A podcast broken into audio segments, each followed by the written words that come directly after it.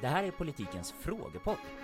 Idag om ett samarbete mellan Sverigedemokrater och Socialdemokrater.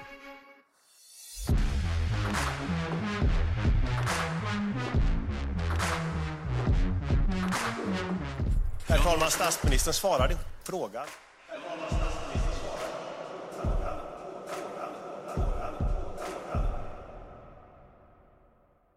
Veckans fråga har ställts i eh, Svenska Dagbladets Politik live. Där kan man ju eh, chatta med oss.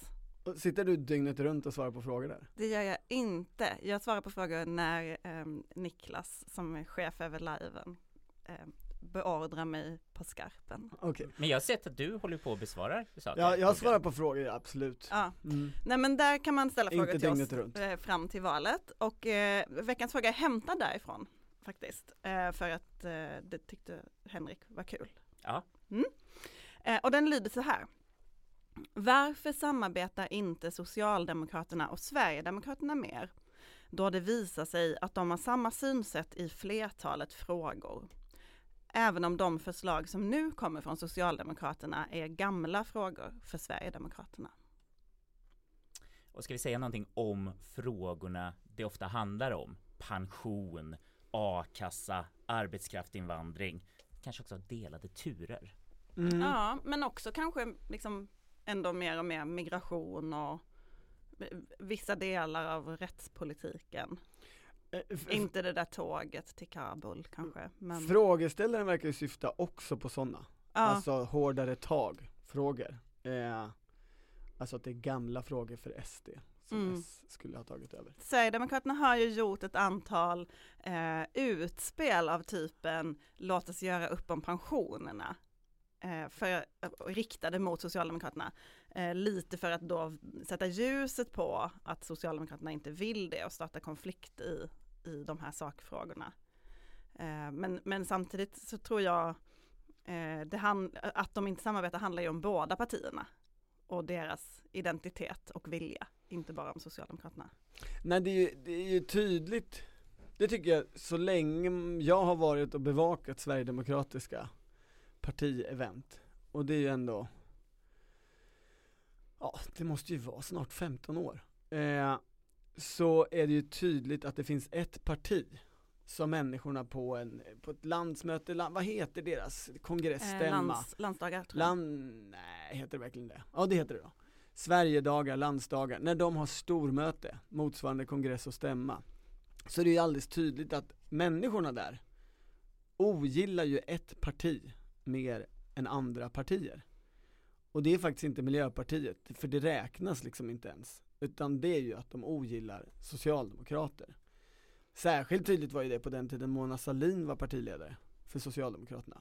De, de har ju aldrig uppvisat ett li, en liknande avsky, eh, det är ett starkt ord, men det tycker jag faktiskt man kan använda, eh, mot Moderaterna. Ja, fast ja. Inte ens när mm. Fredrik Reinfeldt var partiledare. Nej men det finns ju, det finns, har ju funnits en väldigt stark, eh, vad ska man säga, avsky tycker jag också kanske är för starkt ord, men en motvilja mot Moderaterna också och en frustration. Det hör man ju fortfarande tycker jag i partiet.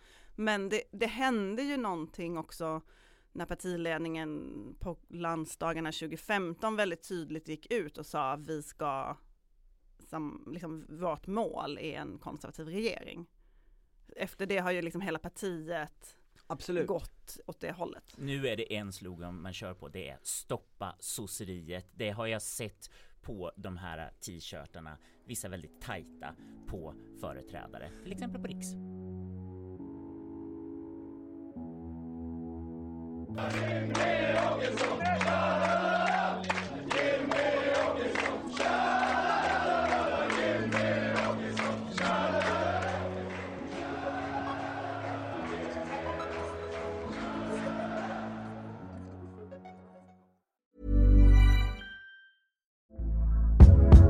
Hey there, it's Michelle Norris. I'm host of a podcast called Your Mama's Kitchen. When I travel, I'm usually looking for a way to find a taste of home when I'm not at home. And one of the things I love to do when I am at home is entertain. And Airbnb allows me to do that. When I was in California recently, I rented a house that had a great kitchen. And when we were sitting around the table, we we're all thinking, we're in someone else's house. Someone could be in all of our homes as well.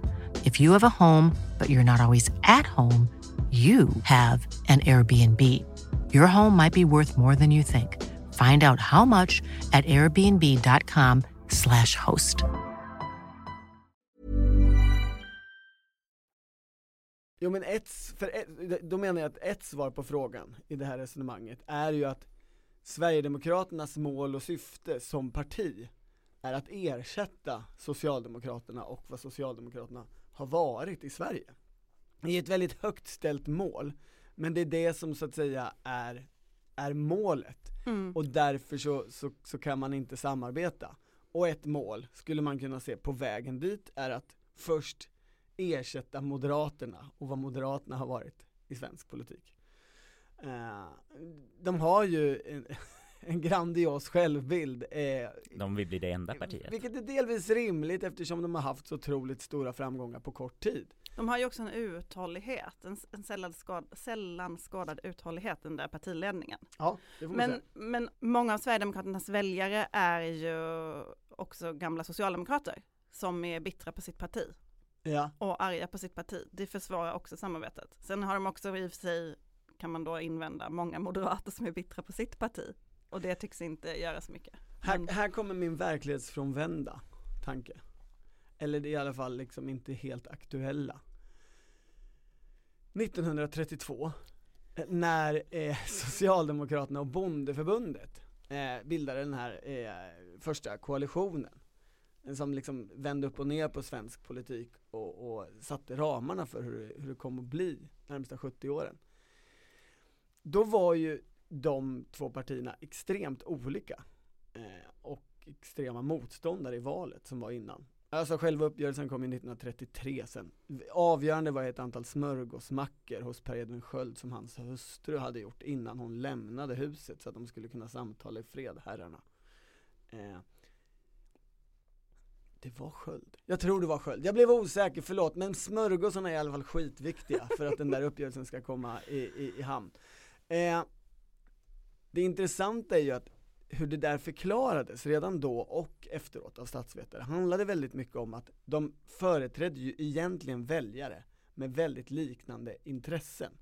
Alltså arbetare och bönder, småfolk med knappa omständigheter som behövde få det bättre materiellt på olika sätt.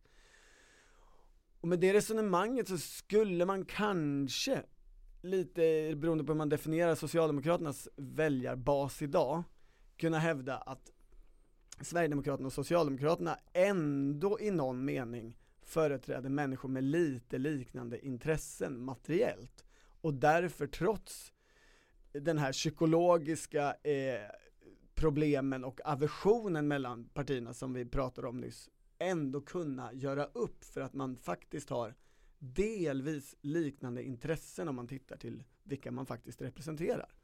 Arbetare, lägre också, medelklass och sådär men det finns ju också de strategiska problematiken för Socialdemokraterna såklart. Förutom värderingarna och nu kör ju S väldigt hårt på det här att det här är nästan de största motståndarna som man har just Sverigedemokraterna så det blir, skulle vara väldigt konstigt att säga det är vår största fiende sen gör vi upp med dem.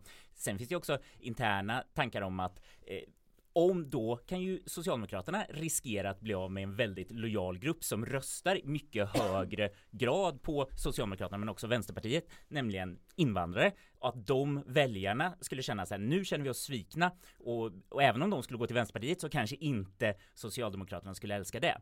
Och sen om man ändå tar tillbaka det till den här ekonomiska konflikten så finns det de som säger så att absolut, det verkar ju som att SD är lite mer vänster och även om de har gjort förflyttningar åt höger i den ekonomiska politiken så en väldigt grundläggande analys utav arbetarrörelsen det är ju starka, starka fackföreningar och det är ju inte Sverigedemokraterna intresserade av på det sättet som det traditionellt har sett, nämligen när man vill göra om a-kassan till statlig obligatoriskt, tar man ju bort en väldigt stor del utav den svenska modellen. Så redan där finns det ju stark invändning från att eh, arbetarpartiet skulle kunna liksom göra upp med den andra sidan. Mm.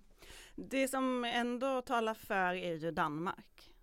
Alltså att det skulle ske i framtiden. För om man lyssnar på hur de danska socialdemokraterna pratar om Dansk Folkeparti till en början och sa att ni kommer aldrig bli rumsrena och så vidare till att sen faktiskt börja samarbeta och göra upp med dem.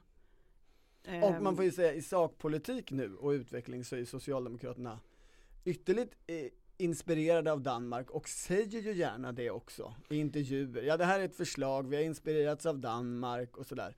Och då är frågan hur långt ska den där inspirationen gå?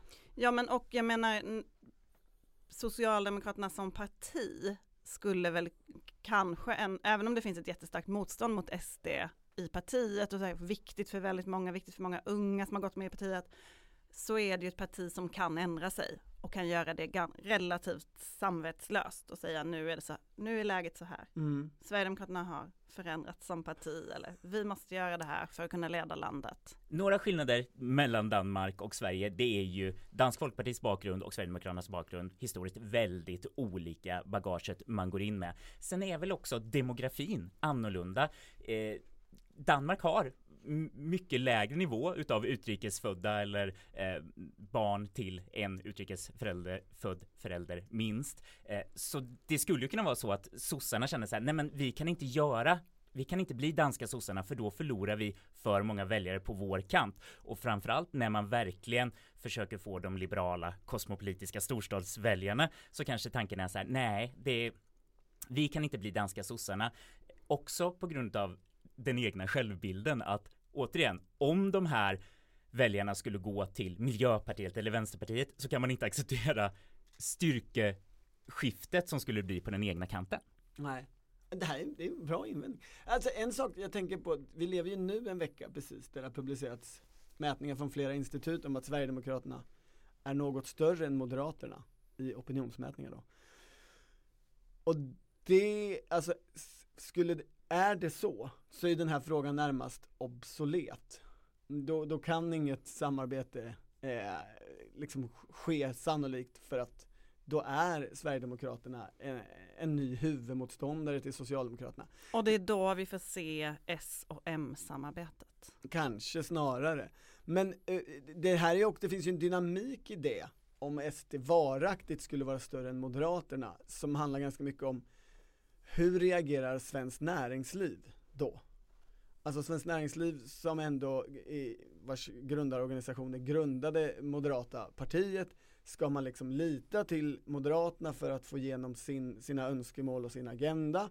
Eller ska man vända sig mot Sverigedemokraterna? Och vänder sig liksom svenskt näringsliv mot Sverigedemokraterna och får trevligt bemötande och de lierar sig, ja då är det ju väldigt långt bort från Socialdemokraterna att att så att säga göra den där danska lösningen, att ha med Dansk Folkeparti på något sätt. Nu skulle väl några säga att det där har väl Svenskt Näringsliv till viss del redan gjort. Eh, ja, det, det att de har ju påbörjats. inledande i att eh, här, ta kontakter, ja. visa och eh, få över dem på sidan till exempel när det gäller eh, friskolor. Ja men där har man ju ganska eh, öppet ändå pratat om att man lobbar mot Sverigedemokraterna på ett sätt som liksom LO aldrig skulle göra eller vänstersidan liksom, i intressesfären aldrig skulle göra. Och det har ju också påverkat Sverigedemokraterna som parti. Jag undrar om även där att eh, kultur skulle kunna trumfa ekonomiska intressen. För jag tycker att det snackas väldigt mycket om på högersidan eller liksom den klassiska borgerligheten.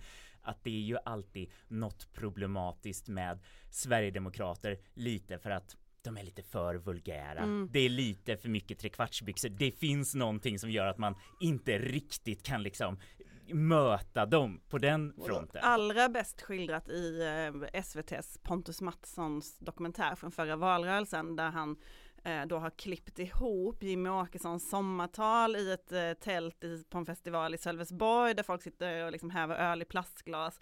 Klipp till Ulf Kristersson kindpussar moderatkvinnor i Eskilstuna innan han går upp på sin scen med sin iPad. Det är liksom otrolig kulturskillnad. Ja och då, där är ju ändå där ligger ju ändå Sverigedemokraterna i kultur närmare Socialdemokraterna. Alltså Socialdemokraterna är närmare eh, ett tält med plastglas och hinka öl. Det måste man säga. Dock, om vi ska runda av det, så tänker jag, eh, vi svarar väl alla på olika sätt, det finns möjligheter med nej, och det största nejet finns nog i Socialdemokraternas valmanifest. Alltså inte i själva texten, utan i det lilla häfte som man har tryckt upp så är det en baksidestext som på en bok. Och där står det två stycken meningar. Som lyder så här. Socialdemokraterna kommer aldrig att medverka till att ge makt åt Sverigedemokraterna. Ett parti som inte står upp för alla människors lika värde och rätt. Den 11 september bestämmer du. Det närmaste ett vallöfte vi kommer från S.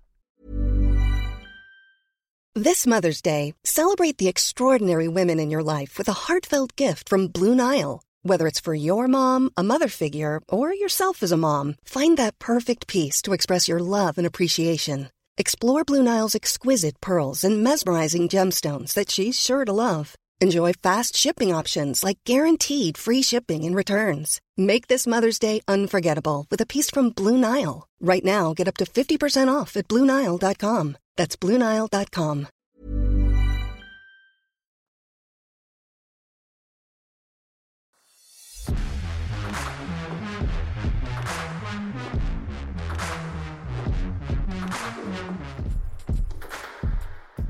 Du har lyssnat på Politiken, en podd från Svenska Dagbladet. Producent var Martina Pierrot, ansvarig utgivare Anna Kareborg.